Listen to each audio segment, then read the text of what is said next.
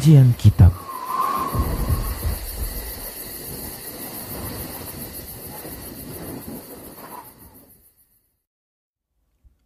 Baik. Bismillah. Assalamualaikum warahmatullahi wabarakatuh. Alhamdulillah wassalatu wassalamu ala rasulillah amabad. Para pemirsa Rosyad TV, eh, kita kembali di kajian kitab yang membahas tentang ayat-ayat Allah pada tubuh manusia. Eh, dan Alhamdulillah sudah bersama kita dan terhubung bersama kita guru kita Ustadz Abu Ihsan Al-Asari, Hafizullah Ta'ala. Dan di pertemuan lalu kita sudah membahas pembukaan tentang apa yang akan kita bahas dari kitab yang ditulis oleh Ustadz Abu Ihsan Hafizullah Ta'ala sendiri tentang ayat-ayat Allah pada tubuh manusia. Dan di pertemuan kali ini kita akan melanjutkan pembahasannya uh, tentang ayat-ayat Allah pada tubuh manusia hanya di Rosyad TV, saluran dakwah keluarga islami. Dan kita sudah terhubung bersama Ustadz, kita sapa dulu Ustadz. Assalamualaikum Ustadz. Waalaikumsalam warahmatullahi wabarakatuh. Siap Ustaz, boleh dilanjutkan Ustaz pembahasan kita tentang ayat-ayat Allah pada tubuh manusia. Silahkan Ustaz. Ya. Assalamualaikum warahmatullahi wabarakatuh. Alhamdulillah. Nahmaduhu wa nasta'inuhu wa nastaghfiruh. Wa na'udzu billahi min syururi anfusina wa sayyiati a'malina may yahdihillahu fala mudhillalah wa may yudlil fala hadiyalah. Ashhadu an la ilaha illallah wahdahu la syarikalah wa ashhadu anna Muhammadan abduhu wa rasuluh. Ya ayyuhalladzina amanu ittaqullaha haqqa tuqatih wa la tamutunna illa wa antum muslimun.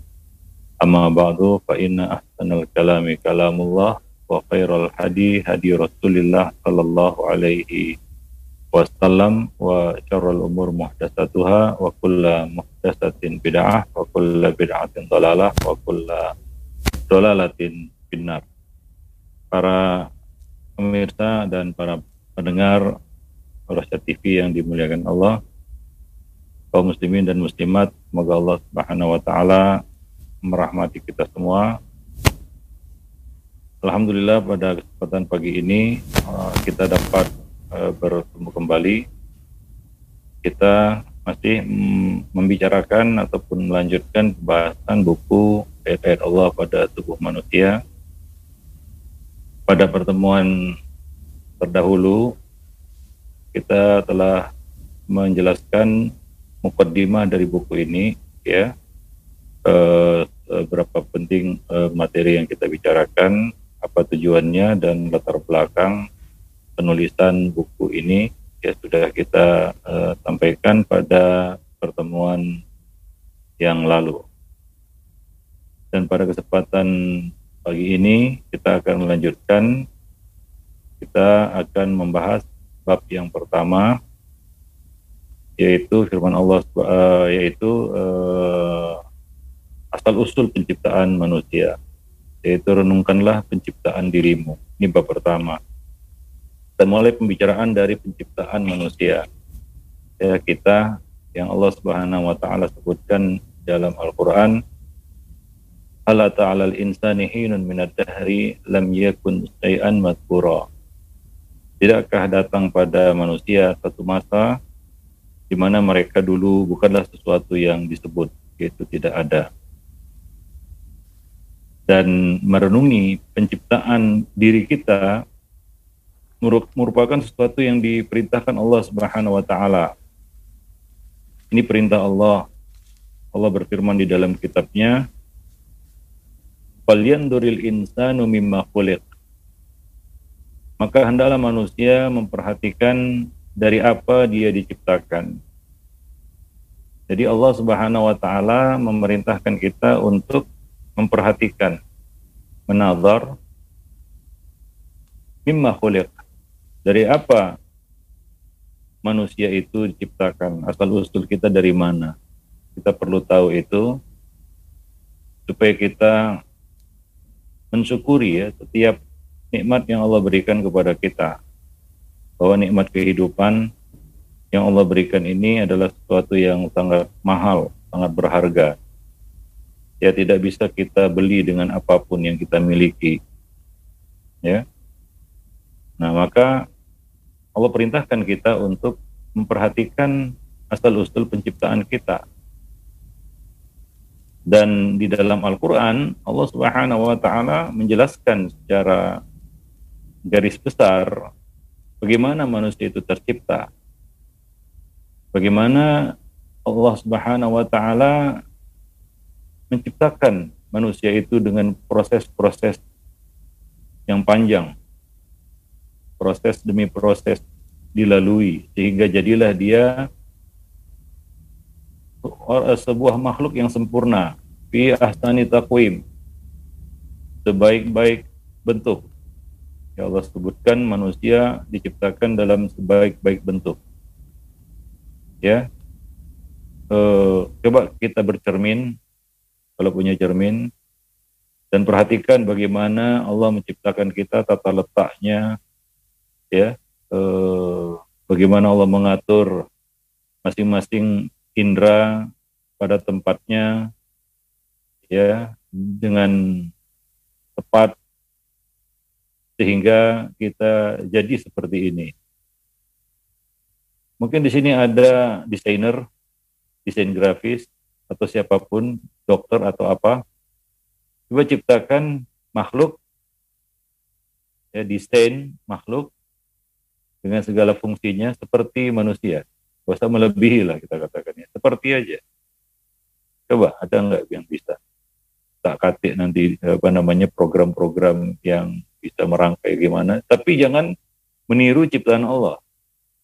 Yaitu letakkan mata di tempat yang lain, hidung di tempat yang lain, mulut di tempat yang lain, telinga di tempat yang lain. Jangan di tempat ataupun di pada pada bentuk yang Allah ciptakan ini. Jangan tiru coba. Bisa nggak kita membuat itu? Tidak.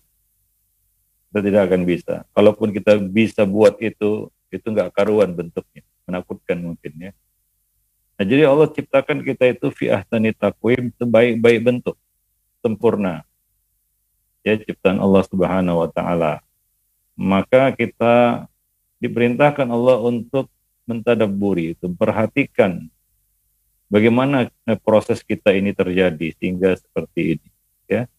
Allah ciptakan laki-laki dan perempuan ya dengan uh, fungsinya masing-masing ya dengan perbedaan yang ada walaisa dzakaru kal unta laki-laki tidak sama dengan wanita ya dan sehingga keduanya memiliki ketertarikan satu sama lain ya dan itulah proses ya kita katakan perkembangbiakan manusia, adanya ketertarikan antara dua makhluk yang berbeda jenis.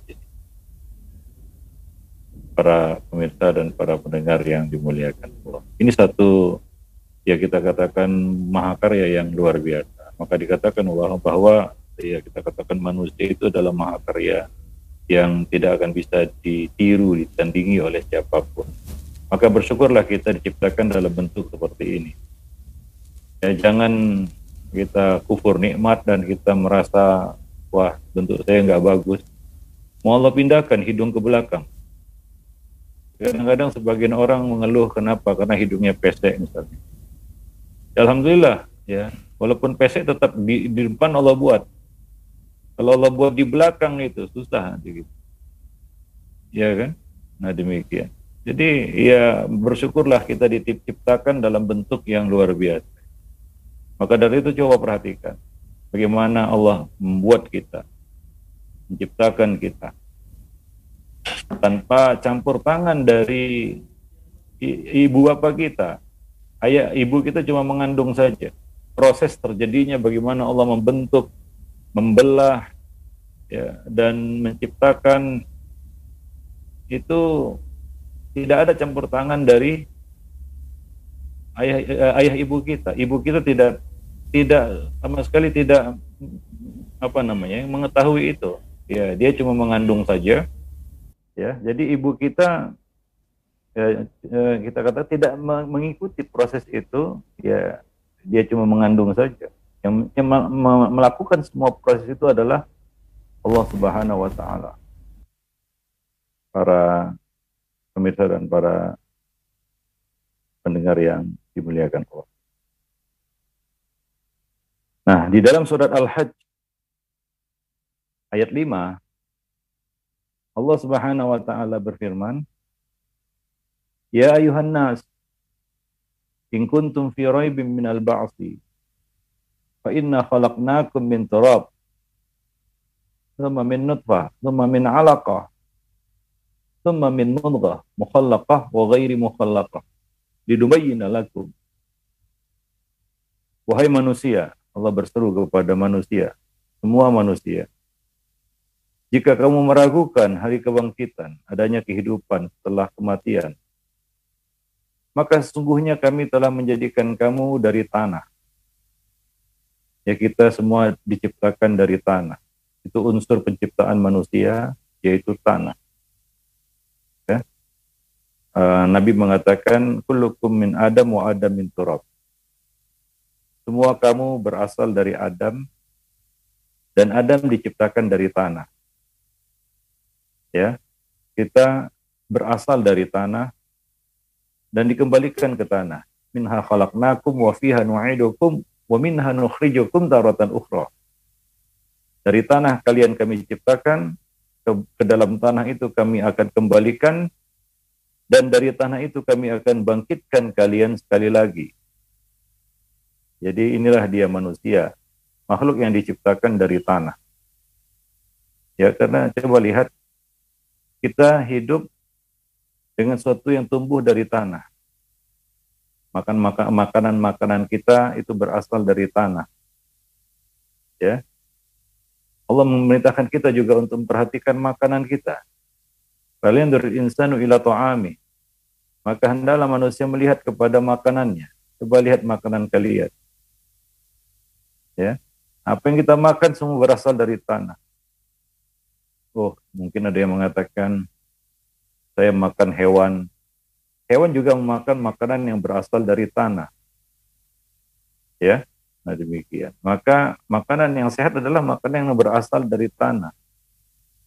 Ya, itu makanan yang sehat. Kalau makanan kimia itu menimbulkan banyak penyakit karena itu bertentangan dengan unsur penciptaan dan manusia itu yaitu tanah ya banyak penyakit-penyakit yang muncul dalam tubuh kita karena kita mengkonsumsi sesuatu yang bukan berasal dari tanah. Ya, kimia-kimia yang mungkin itu menjadi racun dalam tubuh kita. Ya, karena kalau kita lihat asal usul penciptaan kita dari tanah, maka makanan kita ya, unsur pembentuk tubuh kita ini harusnya dari tanah. Kita kita ganti itu dengan kimia kimia bahan-bahan kimia zat-zat kimia maka tubuh akan menolak itu. Tubuh tidak menerima itu maka akan terjadilah kita katakan uh, suatu uh, kita katakan uh, um, suatu uh, yang tidak cocok uh, yang masuk ke dalam tubuh kita yaitu racun-racun itu. Sehingga menimbulkan banyak penyakit. Ya seperti tumor, kanker dan kebanyakan disebut uh, disebabkan adalah ya dari makanan, ya makanan-makanan kimia. Maka sekarang orang-orang kembali kepada makanan yang disebut raw food ya. Yaitu makanan ya yang alami, yang natural ya, kembali ke alam. Demikian back to nature kan kata orang sekarang ya baru orang sekarang sadar ya bahwa dia harus kembali ke alam yaitu ke tanah ya satu yang tumbuh dari tanah karena kita berasal dari tanah ini satu yang nggak bisa diingkari oleh manusia ya coba ya kita makan kimia tiap hari ya satu yang bukan berasal dari tanah zat-zat kimia mungkin kita akan sakit banyak penyakit yang muncul dan mungkin kita tidak akan bertahan lama hidup. Ya, nah demikian. Ya seperti ya kita katakan makanan-makanan yang ya bercampur dengan banyak bahan-bahan yang ya, kita katakan buatan ya, ya kimiawi itu banyak menimbulkan penyakit-penyakit. Wallahu alam bishawab. Karena asalnya kita berasal dari tanah. Falaknakum min turab kata Allah Subhanahu wa taala ya dengan menyadari ini saja kita tahu bagaimana cara hidup sehat bagaimana kita bisa menjaga nikmat tubuh kita ini ya tubuh kita ini yang Allah ciptakan ini dari tanah Baik. Tapi ya kadang-kadang manusia tidak puas ya. Makanan-makanan yang berasal dari tanah itu mungkin tidak mengundang selera mereka, tidak memancing selera mereka, nafsu makan mereka, sehingga mereka perlu sesuatu yang selain dari tanah itu yang menyebabkan ya ketidakstabilan ataupun ketidaknormalan pada tubuh mereka. Ya, ingat makanan yang masuk ke, ke dalam tubuh kita ini pada hakikatnya adalah benda asing. Dia adalah racun yang bisa membunuh kita. Ya. Maka Allah Subhanahu wa taala melengkapi kita dengan berbagai organ-organ tubuh untuk menetralisir racun-racun itu mulai dari ya banyak ya uh, kita katakan anggota-anggota tubuh yang memang diciptakan untuk menyaring racun-racun yang masuk ke dalam tubuh kita. Sebut saja ya kita katakan uh, empedu, ya limpa, ya uh, hati, ginjal, ya itu semua menyaring kotoran-kotoran yang uh, makanan uh, saripati makanan yang masuk dari luar para pemirsa dan para pendengar yang dimuliakan. Nah, ketika terjadi kerusakan maka sakitlah manusia itu. Maka jelas bahwa sakitnya manusia itu memang sesuatu yang ya akibat dari perbuatan mereka sendiri. Maka ketika Nabi Ibrahim berdoa wa idza maridtu fahuwa yashfin. Dan jika aku sakit, engkaulah yang menyembuhkanku. Nabi Ibrahim tidak menisbatkan sakit kepada Allah. Artinya, ya Allah, jika engkau membuat aku sakit, tidak. Walaupun itu semua takdir Allah dari Allah ketentuan Allah, tapi akibat dari perbuatan manusia. Ya, salah satunya masalah makanan. Ya. Maka dari itu Allah perintahkan kita untuk melihat makanan kita. Ya, nah demikian. Ya, sebagaimana dikatakan ya bahwa perut ini adalah baitudda, rumah penyakit. Ya, kebanyakan penyakit berasal dari makanan yang masuk ke dalam tubuh kita. Ya, maka dalam Islam makanan itu diatur sangat ketat. Ada halal food istilahnya dalam Islam. Nah, orang-orang kafir baru sekarang sadar bahwa perlu menjaga makanan. Tidak semua makanan ya cocok dan bagus masuk ke dalam tubuh kita. Bahagiannya itu tidak boleh masuk ke dalam tubuh kita. Itulah yang diharam diharamkan Allah Subhanahu wa taala. Ya. Bangkai, babi, darah, khomer itu semua merusak ya organ-organ yang ada dalam tubuh kita. Misalnya diharamkan karena merusak fungsi akal. Ya maka diharamkan. Jangan sampai masuk ke dalam tubuh kita. Ya, nah demikian. Wallahu alam bistawab. Maka kami jadikan kamu dari tanah. Ini kalau kita mengkaji ini saja ya. Inna khalaqnakum min turab. Ya, banyak faedah yang bisa dipetik dari potong kalimat ini. Ya, satu hakikat yang Allah sampaikan kepada manusia. Inna khalaqnakum min turab. Sesungguhnya kami ciptakan inna khalaqnakum min turab. Sesungguhnya kami ciptakan kamu dari tanah. Ya. Bahwa kita dan juga ayat yang lain dari tanah kami ciptakan ke dalam tanah kami kembalikan dan dari tanah kalian akan dibangkitkan sekali lagi. Artinya kita hidup, manusia hidup ini tidak akan bisa lepas dari tanah maka ada anjuran Nabi untuk menanam pohon, ya menjaga lingkungan, ya. Nah, ah, membuka ruang hijau, karena itu adalah paru-paru dunia. Itu semua ya apa namanya ada di dalam Islam diserukan 15 abad yang lalu sebelum bumi parah seperti sekarang ini. Ya, Islam sudah lebih dulu menganjurkan ya umat manusia secara umum untuk menjaga lingkungan, menanam pohon, ya, menjaga ke eh, apa namanya ke eh, keberadaan tanah ya untuk bisa bercocok tanam dan lain sebagainya. Karena kita dari situ kita nggak bisa mengingkari hakikat itu. Ya, kalau kita memenuhi badan kita dengan bahan-bahan kimia, kita nggak akan bisa bertahan lama. Para pemirsa dan para pendengar yang dimuliakan Allah. Baik. Kemudian dari saripati tanah yang ya, kalau Adam langsung ya Allah ciptakan dengan tangan tangan Allah, lalu Allah menciptakan Adam dengan tangannya, lalu mengatakan meniup, meniupkan ruh padanya, lalu jadilah Adam. Ya, tingginya langsung 60 hasta, 30 meter. Itu naziroan, itu Adam langsung tanpa proses bayi dan lain sebagainya. Tanpa ya, apa namanya menjadi spermatozoa dulu, kemudian jadi embrio, kemudian menjadi ya bayi yang berkembang dari bulan ke bulan uh, dari uh, kita katakan dari bulan ke bulan dari pekan ke pekan tidak. Ya harus berada di dalam rahim kemudian keluar dari rahim tidak. Adam langsung tanpa memerlukan rahim seorang ibu. Ya tanpa memerlukan proses persalinan tanpa harus melewati masa penyusuan itu Adam maka kalau ada yang menyembah Nabi Isa karena dia eh, terlahir tanpa ayah, maka coba lihat, Adam lebih dahsyat bagi penciptaannya daripada Nabi Isa. Kalau mereka menuhankan Nabi Isa karena lahir tanpa ayah, maka Nabi Adam itu lebih dahsyat lagi. Ya. Tidak memerlukan semua proses itu.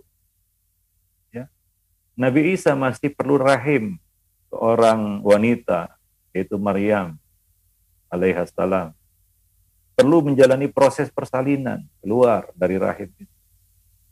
Dan perlu proses penyusuan ya dan perkembangan dari balita ke remaja ke dewasa dan seterusnya. Adam tidak, langsung jadi.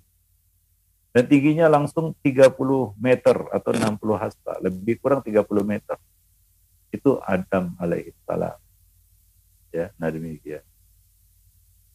Maka Allah mengatakan inna masalah Isa indallahi kamathali Adam. Sesungguhnya perumpamaan penciptaan Isa di sisi Allah itu seperti perumpamaan penciptaan Adam. Ya, bahkan lebih dahsyat ya penciptaan Adam. Ya, kalaulah itu menjadi suatu sebab seseorang itu layak disembah, maka manusia layak menyembah Adam bapak manusia. Ya, kalaulah logikanya seperti itu. Ya. Nah demikian. Maka itu merupakan bantahan telak kepada kaum Nasrani yang menyembah Nabi Isa. Ya, para pemirsa dan para pendengar yang dimuliakan Allah. Tumamin nutfah. Dari saripati tanah itu ya, kita eh, dari saripati tanah yang dimakan makanan-makanan yang berasal dari tanah yang dimakan oleh ayah ayah kita. Kemudian ya diproses oleh Allah Subhanahu wa taala saripati makanan itu hingga menjadi ya eh, spermatozoa yang tersimpan di dalam tulang sulbi laki-laki. Ya laki-laki bisa memproduksi spermatozoa. Nanti akan kita jelaskan lagi adapun wanita tidak bisa memproduksi itu karena ini bagian laki-laki. Walaupun makanan pria dan wanita ini sama, tapi tubuh wanita tidak bisa memproduksi spermatozoa itu. Tapi eh, wanita Allah lengkapi dengan rahim, ada dinding rahim, ada rahim, ya ada indung telur, yang tidak ada pada laki-laki. Itulah dia ya satu kita katakan uh, uh, pembagian ya ter, uh, penciptaan sebuah makhluk dari laki-laki dan wanita. Karin wa unta dari laki-laki dan wanita.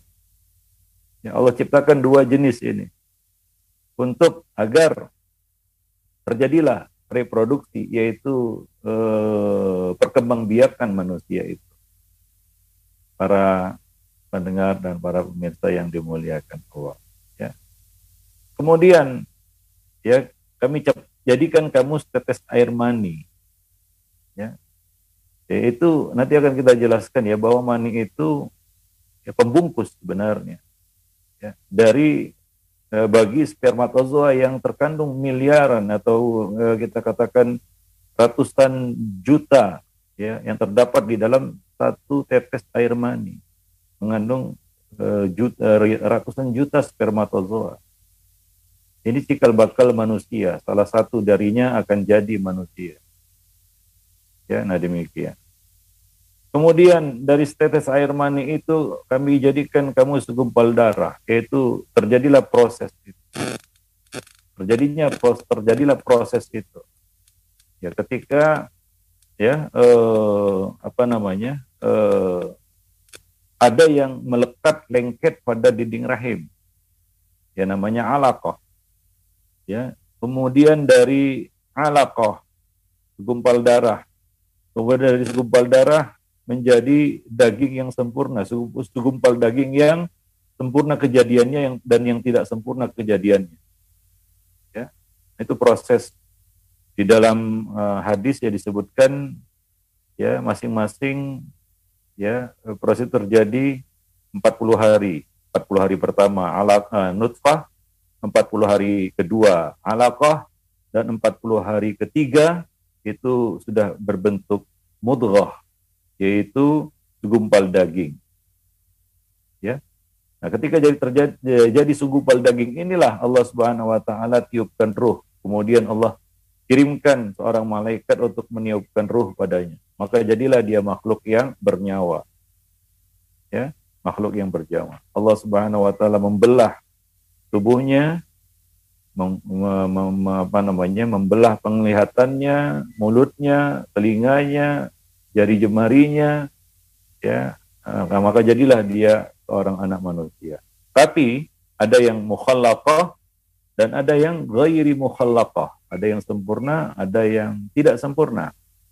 Ini kuasa Allah Subhanahu wa taala, ya. Para ulama menjelaskan maksud dari mukhallaqah sempurna adalah yaitu bayi yang lahir normal. Ya, normal. Dan ghairi mukhallaqah bayi yang lahir cacat. Ya. Jadi kalau kita lihat bayi yang lahir itu ada dua jenis, ada dua macam. Ada yang lahir normal, ya utuh dia. Ada yang cacat. Ya. Bayi yang lahir cacat ini bukanlah produk gagal. Wah, Allah gagal menciptakan manusia. Enggak. Itu kuasa Allah Subhanahu wa taala. Bahwa Allah mampu menciptakan seperti itu agar orang-orang yang lahir normal ya artinya dia adalah orang yang eh, kita katakan eh, sempurna penciptaannya ya, tidak cacat, ya, bersyukur kepada Allah.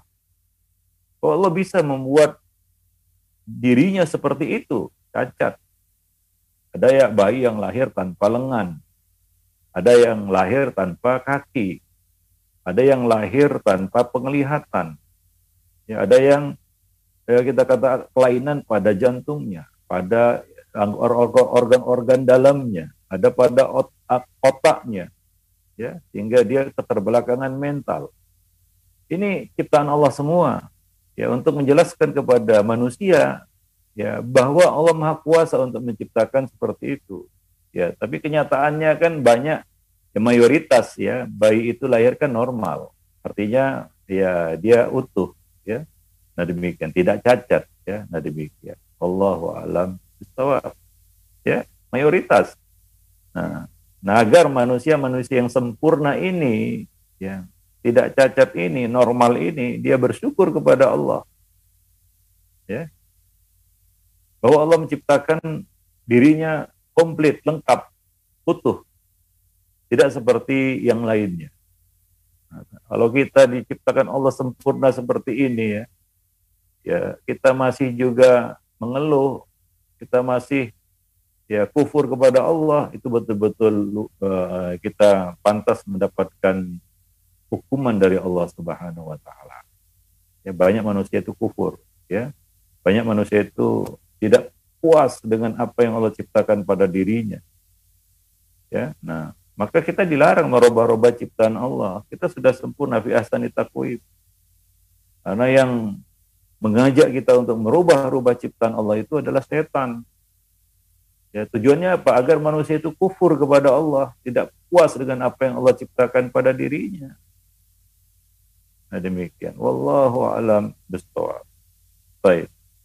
Jadi begitu Allah ciptakan manusia. Linubayyina lakum agar kami jelaskan kepada kamu kekuasaan kami. Tapi Allah Maha Adil ya. Kalau kita lihat orang-orang yang cacat, ya kalau kita lihat orang-orang yang cacat, Allah beri kelebihan-kelebihan yang tidak Allah berikan kepada eh, manusia yang normal. Ya. Allah beri kelebihan bagi mereka. Yang paling berharga yang Allah berikan kepada orang-orang yang cacat itu adalah kekuatan hatinya. Luar biasa. Kita lihat orang-orang cacat itu tidak pernah, tidak mengeluh dengan cacatnya Dan yang lebih luar biasa lagi adalah dia punya kemampuan untuk bisa menghidupi dirinya bahkan tanpa walaupun tanpa bantuan orang yang normal. Ya dia bisa menghidupi diri sendiri. Kita kita lihat dia orang-orang cacat itu ya. Mereka mencari kehidupan mereka sendiri, mencari rezeki sendiri. Ada orang kita kalau pernah lihat ya, orang yang buta matanya ya keliling-keliling itu menjual kerupuk Pernah nggak lihat seperti itu? Dia buta, sana kemari dia pergi menjajakan kerupuk. Ini orang cacat, tidak punya penglihatan. Bayangkan kita mejem aja lah, nggak usah ya kita katakan berhari-hari, satu hari saja coba. Apalagi harus melakukan kegiatan kita sendiri, aktivitas kehidupan kita sendiri. Apalagi mencari nafkah. Ini luar biasa kekuatan hati yang Allah berikan kepada orang-orang cacat ini ya, yang tidak di, yang tidak dimiliki mungkin oleh orang-orang yang normal. Maka seharusnya kita malu ya. Orang yang normal ini ya. Melihat orang-orang cacat itu. Ya. Kita masih suka mengeluh, berkeluh kesah. Ya, itu adalah memang sifat manusia. Tapi kenapa kita uh, kurang mensyukuri nikmat Allah Subhanahu wa taala pada diri kita? Ya, nah demikian maka itu merupakan ya pukulan telak bagi orang-orang yang normal. Kalau masih ya kita katakan berkeluh kesah dengan apa yang telah Allah berikan kepada mereka. Kita malu dengan orang-orang cacat itu. Nah demikian. Bahkan yang lebih parah lagi adalah banyak manusia-manusia yang normal ya itu pura-pura cacat pura-pura buta, pura-pura puntung tangannya, pura-pura puntung kakinya, begitu dikejar satpol pp lari dia, bisa lari rupanya, rupanya keluar lengannya, keluar kakinya, keluar um, um, nyala matanya, gitu ya. Ketika dikejar-kejar satpol pp, gitu. Nah, coba lihat itu, ya, para pengemis yang pura-pura cacat, padahal mereka manusia normal, ya, nah demikian, ya malu ya sama orang cacat kalau seperti itu. Nah, ini menunjukkan ya bahwa uh, ini Allah menciptakan segala sesuatu itu dengan keadilan ya. Allah maha adil memberikan segala sesuatunya itu dengan ya apa nama keadilannya ya. Ya Allah beri ya sesuatu yang tidak Allah beri kepada yang lain. Allah yakbidu wa yabsutu. Allah yang melapangkan dan Allah yang menyempitkan rezeki. Ya Allah bagi-bagi rezeki itu. Maka tidak ada satu orang pun di dunia ini yang rezekinya sama persis gak ada.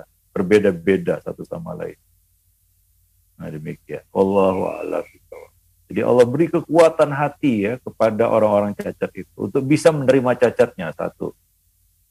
Ya, mungkin kalau kita ya normal ini ya diuji lah dengan cacat itu ya mungkin kita sudah mengomel ya, kita tidak puas, kita berontak, kita berkeluh kesah. Tapi kita lihat orang cacat itu dia tidak pernah berkeluh kesah dengan kecacatan yang mereka miliki. Kekuatan hati yang Allah berikan kepada mereka. Ya, wallahu a'lam. Nah, demikian. Baik, bahkan saya pernah lihat itu ya. Orang yang nggak punya lengan, nggak punya kaki, bayangkan. Tidak punya lengan, tidak punya kaki. Ya, lahir, tapi hidup ya. Yang menakjubkan adalah dia bisa melakukan pekerjaannya sehari-hari untuk keperluan dirinya sendiri tanpa bantuan orang lain. Padahal kalau dia mau manja hidupnya ya, ya dia kan cacat ya, ya udahlah minta dilayani semuanya sama orang lain, makan disuapi ini tidak. Tapi kita lihat itu menakjubkan sekali. Bagaimana kekuatan hatinya itu menjalani kehidupan sendiri tanpa bergantung kepada orang-orang yang normal. Lucunya, sangat naif, Sebagian orang yang normal hidupnya maunya dilayani. Kalau bisa udah besar pun makan disuapi kan begitu ya. Semua di disiapkan orang lain, dibantu orang lain. Nah demikian. Ya. Itu orang normal itu. Orang cacat aja yang nggak punya kaki dan nggak punya tangan itu, dia bisa apa namanya menjalani kehidupannya sendiri tanpa bantuan orang yang normal. Ini ini kelebihan yang Allah berikan kepada hamba-hamba ya. Nah, wallahu alam Gitu. Kita nggak tahu lah kalau satu hari saja kita nggak pakai lengan, nggak pakai kaki. Kira-kira gimana?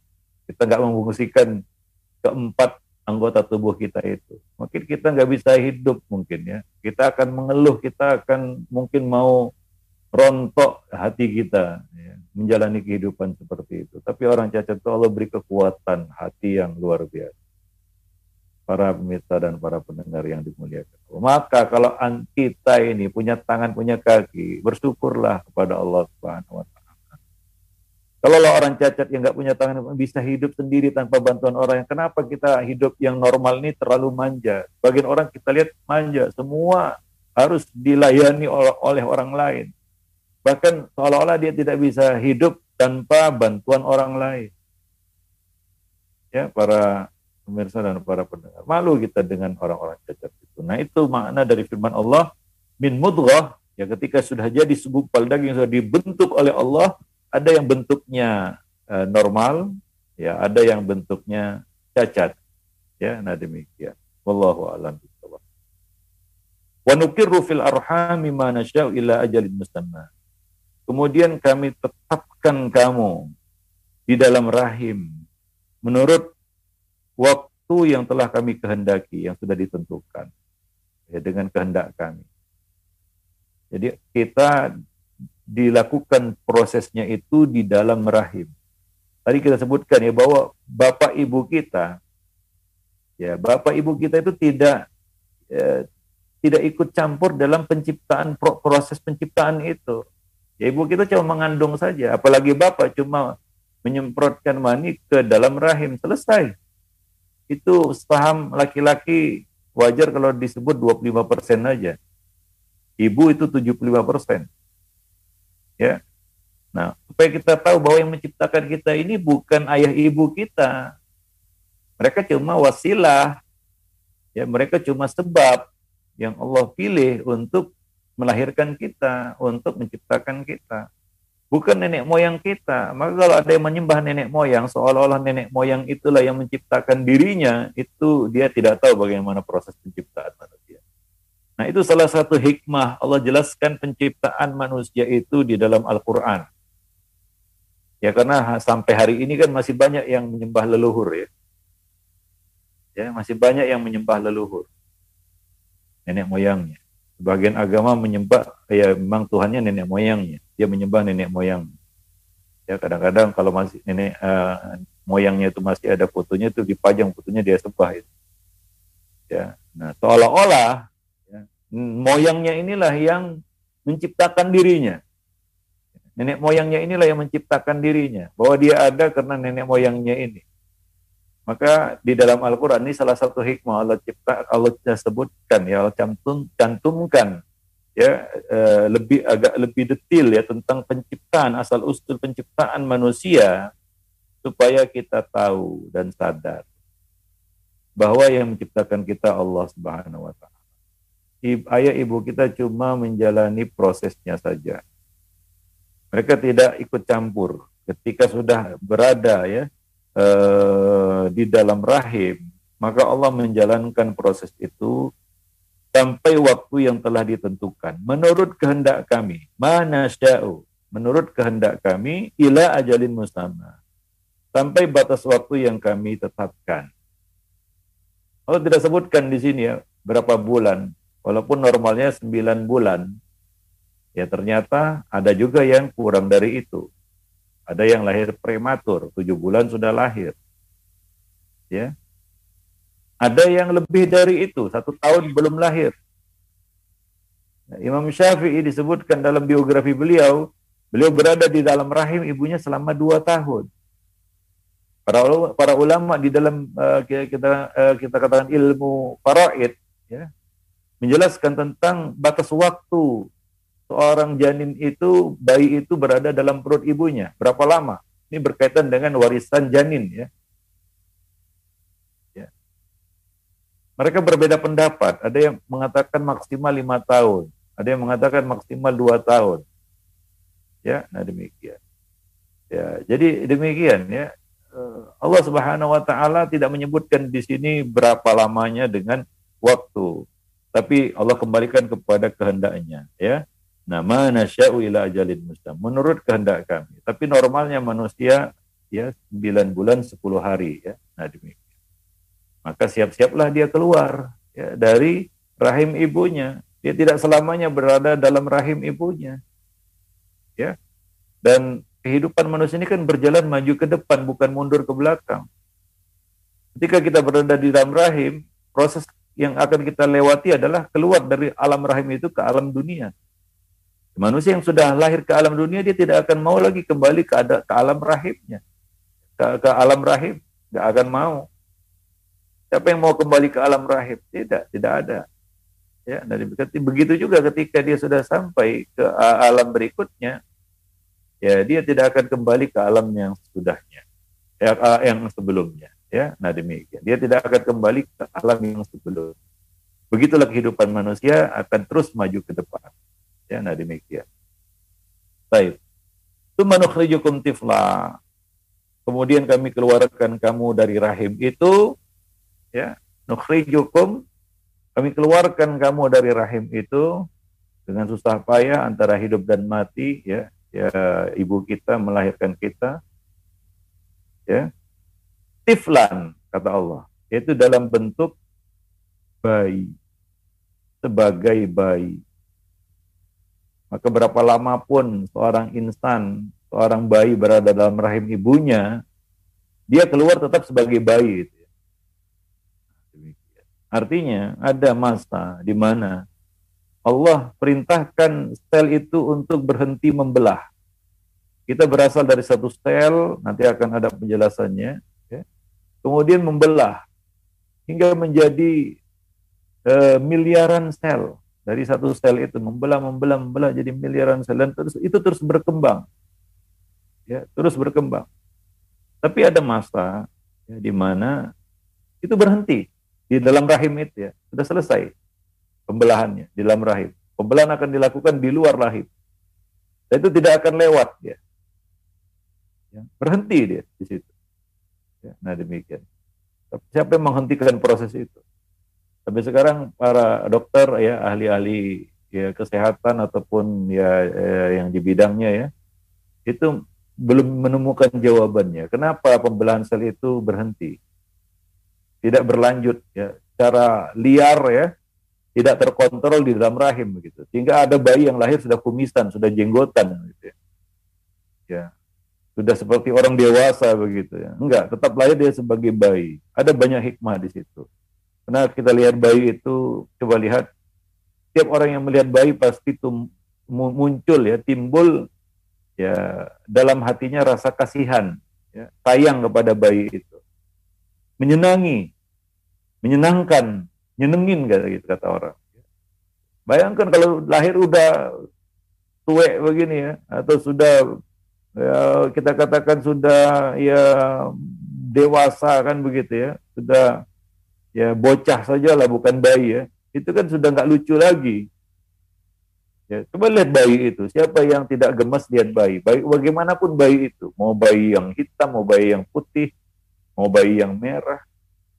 Ya mau rambutnya ikal keriting lurus botak. Bayi itu lahir menyenangkan orang yang melihatnya.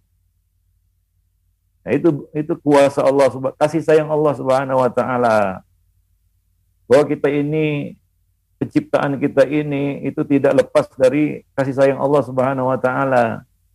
Mulai dari awal itu, kita dari tanah, tapi prosesnya Allah Subhanahu wa taala ubah dalam bentuk cair supaya memudahkan.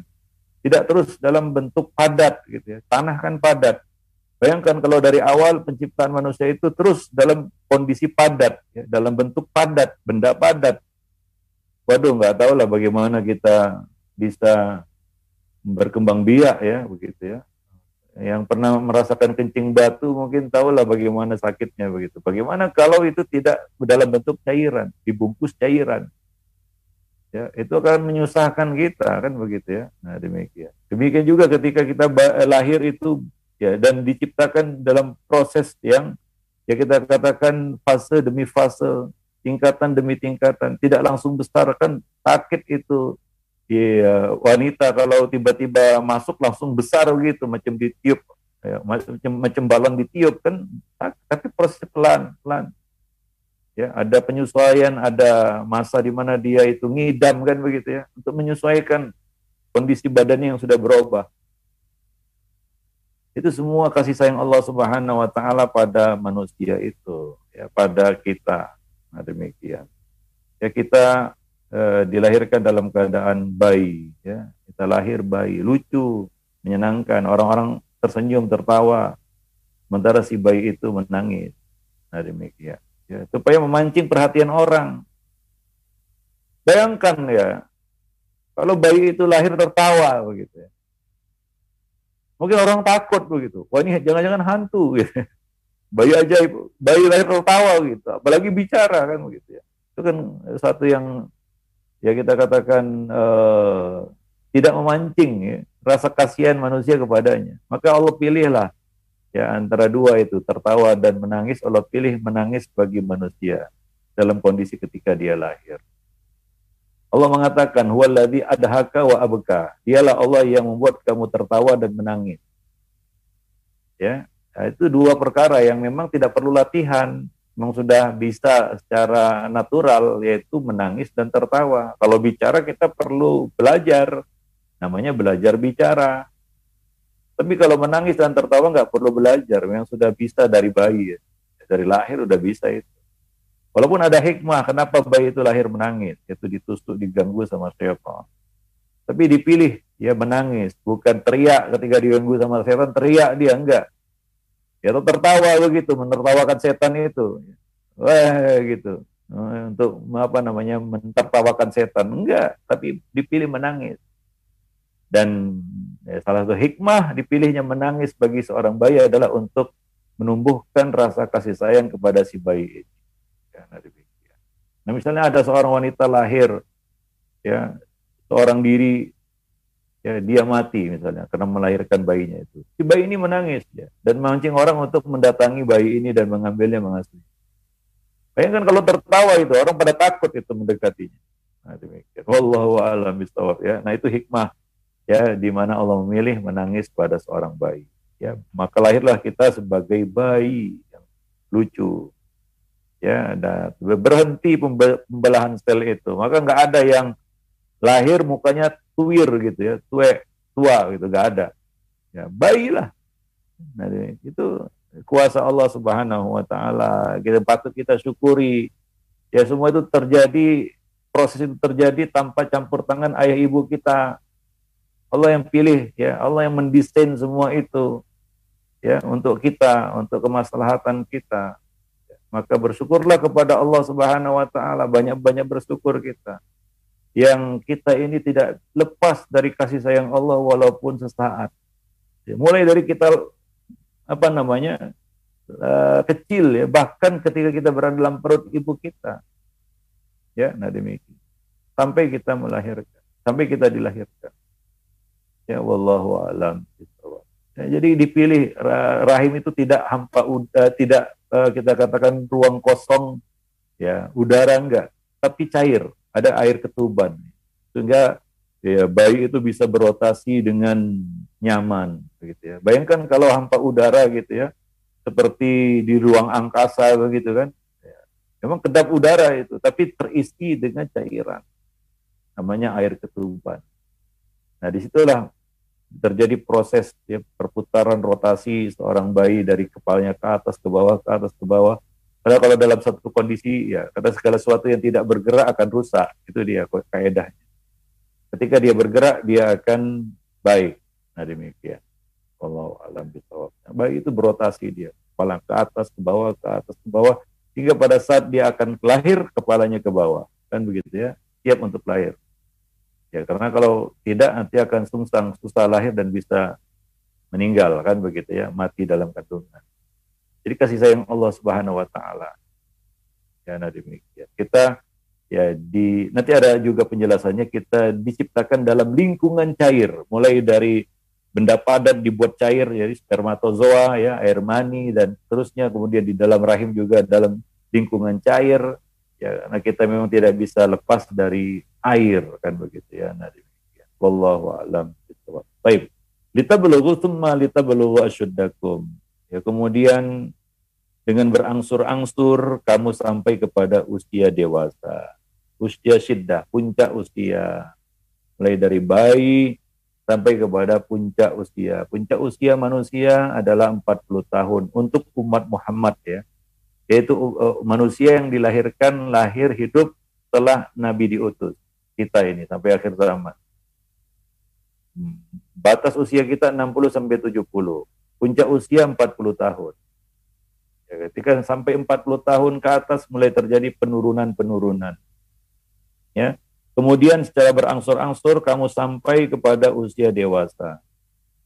Allah mengatakan di dalam Al-Qur'an, latar kabun natabakon antabak. Kamu akan melewati kehidupan ini fase demi fase kehidupan kita ini ya mulai dari kecil sampai dewasa sampai nanti kita kembali kepada Allah Subhanahu wa taala kita lewati fase fase demi fase. Nah, ketika sampai pada puncak tidak Allah cabut langsung semua nikmat itu? Tidak, tapi pelan-pelan satu-satu dicabut, diambil. Mulai dari nikmat mata, ya mulai dari nikmat indera perasa, ya segala sesuatunya Allah cabut. Ya giginya bertanggalan tidak rontok semua kan begitu ya? Nah, ketika 40 tahun ke atas rontok semua enggak. Satu-satu tanggal itu ya. Nah demikian makan pun sudah oper kanan oper kiri kan begitu ya. Nah ya ompong sini pindah ke sini. Ompong sini pindah ke sini. Kan begitulah dia. Ya cabut satu demi satu ketika kamu sampai pada puncak usia manusia yaitu 40 tahun. Hatta balau idza balagha arba'ina sanah hatta idza balagha ashuddakum wa balagha arba'ina sanah. Hingga ketika kalian sampai kepada puncak usia kalian, yaitu kalian sampai pada usia 40 tahun. Siapa yang masih ingat mungkin yang sudah lewat 40 tahun waktu 40 tahun itu adalah ya puncaknya. Di atas 40 tahun dia sudah merasakan keluhan-keluhan penyakit ya, sakit sana, sakit sini, dikit-dikit sakit, dikit-dikit masuk angin, Ya itu tanda itu. Sakit itu mukodimah kematian. Sakit itu mukodimah kematian. Kalau udah mulai sakit-sakit, ya siap, ya udah tahu lah itu. Itu udah kode alam istilahnya. Tanda-tanda yang Allah berikan kepada manusia. Ya artinya udahlah. Ya sudah sampai kepada puncaknya. Ya ketika sampai di puncak, nggak ada jalan di hadapan kita selain jalan menurun Artinya apa? Ketika 40 tahun ke atas yang beruntung ya, dapat usia sampai sejauh itu, bersyukurlah kepada Allah. Ya sudah mulai fokus. Karena ketika sudah sampai 60 tahun ke atas, Allah sudah angkat uzur atas orang itu. Ya, dalam hadis disebutkan bahwa Allah mengangkat uzur atas orang yang telah diberikan 60 tahun lebih. Usia 60 tahun lebih. Ya, jawaza sitin, melewati 60 tahun, maka sudah dicabut uzur. Artinya apa? Nggak ada alasan lagi. Nggak ada alasan lagi. Ya. Kalau anak-anak muda ya mungkin karena godaan masih besar, harapan masih banyak, ya, ya kelihatannya masih kuat, ya mungkin masih bisa dimaklumi. Tapi bagi orang tua udah nggak bisa dimaklumi lagi, khususnya bagi yang 60 tahun ke atas. Kalau masih maksiat juga, kalau masih nggak fokus juga untuk menatap akhirat, ya nggak bisa, nggak nggak tahu mau bilang apa lagi ya. Nah demikian. Kata orang sekarang tua-tua keladi, makin tua makin menjadi. Nah, harusnya kita udah fokus lah kepada akhirat ketika kita sampai kepada puncak usia kita. Semua litablugu asyddakum. Kemudian kalian akan sampai pada puncak usia kalian. Wa minkum Di antara kalian ada yang diwafatkan. Waminkum mayuraddu ila ardhil umur. Dan di antara kalian ada yang dikembalikan kepada ya, usia yang sangat tua, yaitu pikun. Ada yang wafat, ada yang pikun. Demikian. Likaila ta'aya, likaila ya'lama min ba'di ilmin syai'a. Agar dia tidak mengetahui lagi sesuatu yang telah diketahuinya sebelumnya. Ya, coba lihat orang pikun ya, dicabutlah nikmat akal. Terakhir dicabut itu ya yang terakhir dicabut kalau Allah cabut nikmat itu adalah nikmat akal. Ya. Bukan gila, bukan, tapi pikun. Ya. Pikun itu kan ya 11-12 seperti orang gila kan begitu ya. Dicabut nikmat itu. Ya, kalau gila itu secara total, pikun itu setengah gitu ya. Nah, sama-sama nikmat akal yang dicabut itu. Maka itu salah satu musibah yang kita harus berlindung kepada Allah darinya, yaitu pikun. Nah itulah dia perjalanan hidup manusia itu. Ya. Para pemirsa dan para pendengar yang dimuliakan Allah. Itulah hidup kita. Itulah yang akan kita jalani, yang sudah dijalani oleh orang-orang sebelum kita. Ya, dan kita juga akan seperti itu. Allah ceritakan itu secara garis besar di dalam surat Al-Hajj ayat 5 ini. Ya, nah demikian. Luar biasa ya. Allah jelaskan ini kepada kita ya dengan uh, dalam satu ayat saja Allah menceritakan hidup manusia dari A sampai Z. Ya, dari awal dia tidak bukan sesuatu yang disebut bukan apa-apa sampai ya dia akan kembali kepada Allah Subhanahu wa taala penciptanya. Wallahu alam uh, Jadi demikian ya. Ya uh, di antara kalian yang diwafatkan kalau umur umur umat Muhammad ya umur umat akhir zaman ini antara 60 sampai 70 tahun ya bisalah lebih-lebih sedikit tapi ya rata-rata segitulah dia umur manusia ya 60 sampai 70 tahun kadang-kadang lebih sedikit ada yang sampai 80 ya yang lebih lebih dari 80 ya satu dua orang kan begitu ya yang nggak banyak tapi rata-rata seperti itu ya nah tidak bisa seperti umat sebelumnya yang bisa sampai seribu tahun. Kita nggak bisa. Ya, karena ini, ini tanah ini ya. Nah, ini tanah ya. Ini ada batasnya. Ada masa pakainya juga. Seperti spare part mobil juga itu. Ada masa udah aus dia nggak bisa lagi diperbaiki. Ya diganti pun nggak bisa udah. Ya, sudah habis masanya begitu. Para pemirsa dan para pendengar yang dimuliakan Allah. Nah, demikian.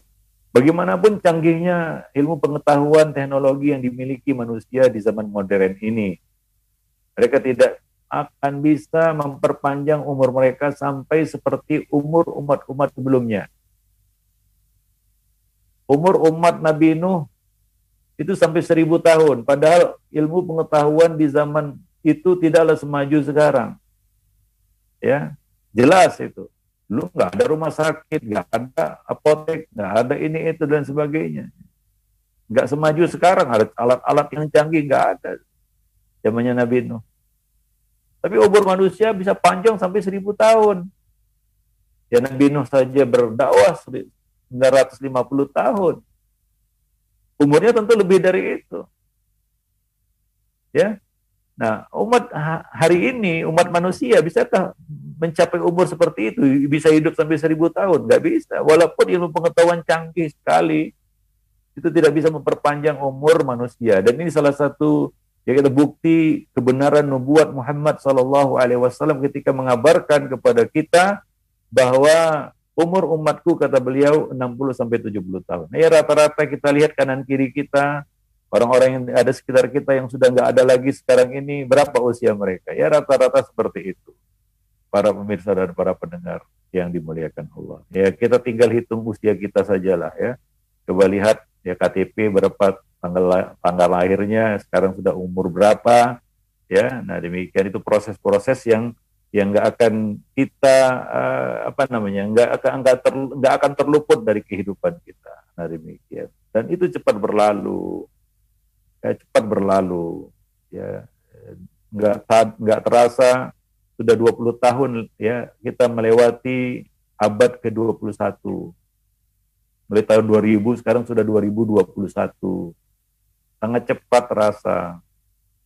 Kita masih ingat 20 tahun yang lalu bagaimana kalau kita sekarang 50 maka kalau umur kita 70-an lah ya, itu 20 tahun itu nggak terasa. Tiba-tiba sudah sampai di situ dia. Ya, maka bersiap-siaplah ya. Nah, Allah ceritakan ini kepada kita semua agar menjadi pelajaran bagi kita. Supaya kita bersyukur, supaya kita sadar ya, supaya kita ya bisa mengambil ibrah dan ber, ber, apa, bersiap diri, berbekal untuk menghadapi proses-proses fase-fase kehidupan yang nanti akan kita jalani. Wallahu a'lam. Nah, demikian saja ya kita akan lanjutkan pembicaraan kita tentang ya pencipta apa penciptaan eh, manusia ya pada pertemuan-pertemuan yang akan datang.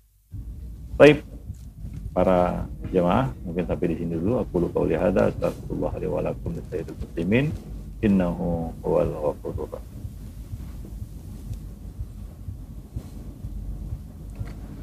Baik, jazakumullah khairan Ustaz atas uh, faedahnya di pagi ini dan pada para pemirsa Rasyad TV yang ingin bergabung di kajian kitab pagi ini bisa bergabung di interaktif atau mengirimkan pesan SMS atau WhatsApp di nomor 0822 8888 6630 0822 8888 6630 Baik Ustaz, sesambil menunggu para pemirsa Rosyad TV yang ingin bergabung bersama kita, uh, ada pertanyaan nih Ustaz. Tadi disampaikan tentang bahwasannya uh, penciptaan di bab pertama ini yang dibahas tentang merenungkan penciptaan Allah tentang diri kita gitu ya Ustaz. Dan seru uh, ayat yang diangkat adalah ayat yang Al-Hajj ayat 5 tadi ya Ustaz dan itu seruannya umum ya Ustaz untuk seluruh manusia gitu ya Ustaz. Agar manusia uh, bersyukur akan nikmat kehidupan ini gitu. Pertanyaannya Ustaz, bentuk syukur tertinggi manusia kepada Allah ketika dia tahu bahwasannya ketika dia telah mengetahui bahwasannya Allah adalah uh, penciptanya bagaimana Ustaz? Silahkan Ustaz. Ya, syukur itu kalau kita bicara syukur ya, ya ada standar uh, kita katakan standar uh, yang paling bawah ya kita yaitu melaksanakan kewajiban meninggalkan larangan itu bentuk syukur kita diminta Allah sholat lima waktu ya sholatlah lima waktu tiba bulan Ramadan berpuasalah bulan Ramadan. Itu rukun Islam ya. Ada kewajiban zakat keluarkan harta kita.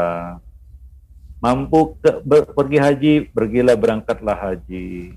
Ya itu kewajiban-kewajiban agama ya nah demikian. Kemudian juga ya bentuk syukur kita adalah menjaga diri dari hal-hal yang dilarang Allah Subhanahu wa taala. Ya nah demikian itu standar kita katakan yang paling dasar lah basic kita katakan orang itu bersyukur kepada Allah jika dia melakukan perintah dan menjauhi larangan ya semampu yang bisa dia lakukan dengan kesungguhan yang dia miliki. Mau lebih dari itu, nah jadi syukur itu tingkatan. Ya, maka lakukan yang sunnah-sunnah yang memang Allah tidak tuntut kita, tapi kalau dikerjakan Allah akan menyintai kita, menyayangi kita. Yaitu amal-amal sunnah namanya. Ya, kerjakanlah sholat di samping sholat lima waktu, ada sholat malam, ada sholat duha, ada Puasa juga demikian. Sebagai ungkapan syukur kita lebih ya kepada Allah Subhanahu wa taala. Nah, demikian. Jadi ya mungkin yang lebih tinggi lagi, lebih tinggi lagi itu tidak berbatas bagaimana seorang hamba mengungkapkan syukurnya kepada Allah Subhanahu wa taala. Ya, nah demikian. Tapi ada batas minimalnya lah. Maka dia dikatakan sudah bersyukur. Jika dia melakukan apa yang Allah minta, ya bertauhid, tidak mensekutukan Allah, ya la ilaha illallah Muhammad Rasulullah kan begitu ya Ber, dia bersyahadat la ilaha illallah sholat lima waktu ya kemudian tunaikan zakat kalau kita punya harta yang lebih ya termasuk orang yang kaya kan begitu ya yang punya harta yang lebih kemudian berpuasa bulan Ramadan kalau tiba bulan Ramadan kalau punya uang untuk pergi haji ya berangkat haji itu minimal ya sebagai bentuk syukur kalau dia langgar itu dia termasuk hamba yang tidak bersyukur alias kufur. Ya, nah demikian. Mau lebih lagi kerjakan yang sunnah-sunnah. Nah demikian ya.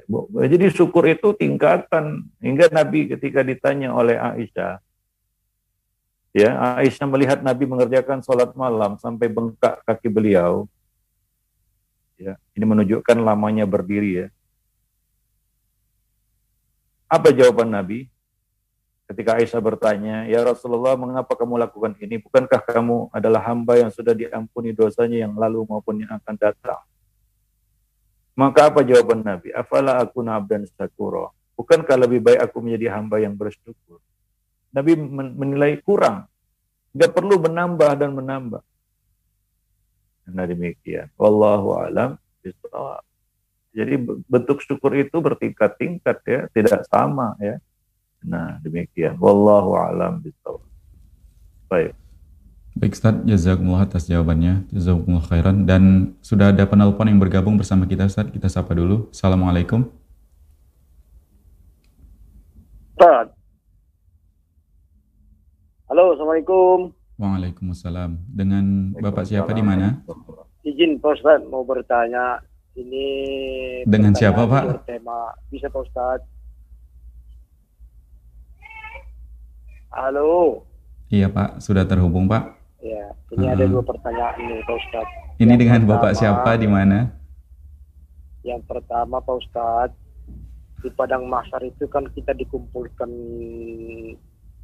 semuanya dalam keadaan tidak berbusana, kan begitu Pak Ustaz. Namun di antara itu semua yang paling pertama nanti diberikan Allah pakaian adalah kepada Nabi Ibrahim jadi kita terkesan mendengar itu, loh kira-kira apa ya amalan dia kok sampai dia lebih diutamakan daripada nabi-nabi yang lain begitu Pak Ustadz. Cuman di situ kita baca tidak ada ketemu dia. Jadi mohon penjelasannya Pak Ustadz. Yang kedua, masalah sholat Jumat Pak Ustadz. Ini yang ajan satu kali harga menghormati yang ajan dua kali, yang ajan dua kali menghormati yang ajan satu kali. Cuman yang ajan dua kali, ya waktu ajan pertama kan ada sholat sunat namanya Pak Ustadz. Ini banyak sekali dilakukan sholat sunat ini niatnya qoblial ataupun rawatib. Ternyata sesudah kita pelajari katanya tidak ada rawatib di dalamnya. Apakah apakah memang begitu Pak Ustadz? Jadi kita ingin untuk istiqomah di dalam hal ini begitu. Jadi mohon penjelasannya Pak Ustadz. Wabillahi taufiq hidayah. Assalamualaikum warahmatullahi wabarakatuh. Waalaikumsalam warahmatullahi wabarakatuh. Baik, silakan Ustaz. Ya. Uh, baik, yang pertama ya uh, tentang keutamaan Nabi Ibrahim. Ya, Allah banyak sebut ya di dalam Al-Quran tentang keutamaan ya Nabi Ibrahim. Bahwa beliau adalah Abul Abiyah bapaknya para nabi bahwa nabi setelah Nabi Ibrahim itu adalah dari keturunan beliau, dari keturunan Nabi Ibrahim alaihi salam. Ya, termasuk di dalamnya adalah Nabi kita Muhammad sallallahu alaihi wasallam. Ya, beliau adalah ya anak turun dari ya, Ismail dan Ismail adalah ya anaknya putranya Ibrahim alaihi salam. Gitu. Kemudian beliau juga ya sebab pernah menjadi orang yang satu-satunya bertauhid di muka bumi. Ya. Bapak tauhid. Ketika manusia ya, kufur kepada Allah tidak mengenal Allah, Ibrahim adalah satu-satunya yang bertauhid beriman kepada Allah Subhanahu wa taala. Nah, ya. nah ini merupakan salah satu keutamaan dari Nabi Ibrahim. Jadi samping Allah perlihatkan banyak mukjizat melalui tangan beliau ya, Allah uji beliau dengan ujian-ujian ya, ya dilemparkan ke api kemudian api menjadi dingin. Kemudian uh, beliau diuji oleh Allah Subhanahu wa taala dengan membawa istri dan putra dan anaknya ya putranya yaitu Ismail untuk ditinggalkan di lembah yang sunyi yaitu di Mekah. Waktu itu belum ada orang. Itu ujian yang berhasil dilewati oleh Nabi Ibrahim alaihissalam. Sehingga beliau memiliki keutamaan ya dari nabi-nabi yang lain. Wallahu a'lam. Adapun yang kedua, ya sholat sunat rawatib Jumat itu tidak ada. Yang ada adalah sholat sunnah sebelum Jumat. Dua rakaat, dua rakaat tanpa batas rakaat. Ya, sebelum imam naik ke atas mimbar. Ya, sebelum imam naik ke atas mimbar, maka jemaah diperbolehkan mengerjakan sholat dua rakaat, dua rakaat, dua rakaat tanpa batas. Ya, ini adalah sholat sunat mutlak sebelum Jumat. Itu ada dalil. Adapun kalau niatnya sholat sunat rawatib, maka tidak ada dilakukan Nabi dan para sahabat ya, sholat sunat rawatib sebelum Jumat seperti sholat-sholat sunat rawatib yang menyertai sholat-sholat uh, fardu maka nggak ada qobliyah Jumat. Yang ada ba'diyahnya, itu yang dikerjakan oleh Nabi. Ya, tidak ada dinukil dari sahabat bahwa beliau mengerjakan qobliyah Jumat. Tapi bagi yang ingin mengerjakan sholat sunnah mutlak dua rakaat sebelum imam naik mimbar, dipersilakan. Ya, Wallahu a'lam. Baik Ustaz, mungkin pertanyaan kita dari studio Ustaz, uh, ada sebagian orang yang bentuk dari uh, rasa syukurnya terhadap nikmat Allah tentang uh, tubuhnya lah kita bilang Ustaz menjaga kesehatan tubuh atau menjaga pola makan yang sehat, pola hidup yang sehat dengan uh, mengkonsumsi makanan-makanan sehat dan juga rutin berolahraga tapi uh, dia meninggalkan kewajiban utamanya. Apakah ini juga inikah apakah ini bagian dari mensyukuri nikmat Allah Ustaz atau gimana Ustaz? Silakan Ustaz. Ya, tadi kan saya sebutkan ya, batas minimal orang itu betul orang mengerjakan kewajiban dan menjauhi larangan. Yang haram ditinggalkan, itu dia bersyukur kepada Allah. Yang wajib dikerjakan, itu bentuk dia syukur kepada Allah. Itu minimal. Ya, minimalnya itu. Nah, kalau itu tidak lakukan berarti dia tidak bersyukur kepada Allah. Ya, maka jangan sampai kita melakukan treatment kesehatan itu dengan meninggalkan kewajiban. Itu belum bersyukur. Belum belum dikatakan bersyukur kepada Allah Subhanahu wa taala. Jadi lakukan standar minimal itu. Kemudian setelah itu ya ya jagalah ya ciptaan Allah itu. Ini adalah titipan Allah, badan ini titipan Allah, jangan dianiaya. Maka Allah mengatakan dalam Al-Quran, wala tulku bi ila tahluka ya wala taqtulu anfusakum la darar wala dirar itu nas-nas syariat yang memerintahkan kita untuk menjaga tubuh jangan lemparkan dirimu kepada kebinasaan jangan bunuh dirimu sendiri. Jangan rusak diri sendiri dan untuk orang lain. La darar wala dirar ada aturan-aturan dalam sunnah. Semuanya itu mengarah kepada hidup sehat. Nah itu usaha yang bisa kita lakukan sebagai bentuk ya kita mensyukuri nikmat ini. Kita jaga nikmat ya. Nah, tapi ada standar minimal yang bersyukur itu, yaitu tadi melaksanakan perintah dan menjauhi larangan. Yang haram ditinggalkan, yang wajib dikerjakan. Nah, Wallahu a'lam. Semakin bagus kita mengerjakan itu, semakin tinggi syukur kita kepada Ya, tapi kita lalai itu, maka makin rendah tentu syukur kita kepada ada yang sholat sholat juga tapi ya nggak ke masjid ya sekedar untuk melepaskan tanggung jawab dan ada juga ada juga yang di akhir waktu ada ya, maka ya kita katakan nilai syukurnya juga sangat rendah kalau dia tidak kerjakan artinya dia kufur maka ada kaidah sangat syukur tiap berkurang nikmat itu pasti disebabnya kurangnya syukur tiap turunnya adab itu pasti karena kufur. Karena Allah mengatakan la intakartum la azidannakum wa la in kafartum inna azabi lasyadid. Itu dalil. Wallahu Baik Ustaz, jadi ada standar minimalnya tadi Ustaz ya dan yang paling minimalnya ya. adalah ya ketika udah bersyahadat atau bertauhid dia juga harus menjalankan perintah dan meninggalkan larangan-larangan tadi Ustaz. Jadi sehebat apa pun uh, yang lain-lain bentuk syukur tapi standar minimalnya tidak dipenuhi percuma aja gitu ya Ustaz. Ya, di, belum dikatakan bersyukur, ya, belum dikatakan yang bersyukur.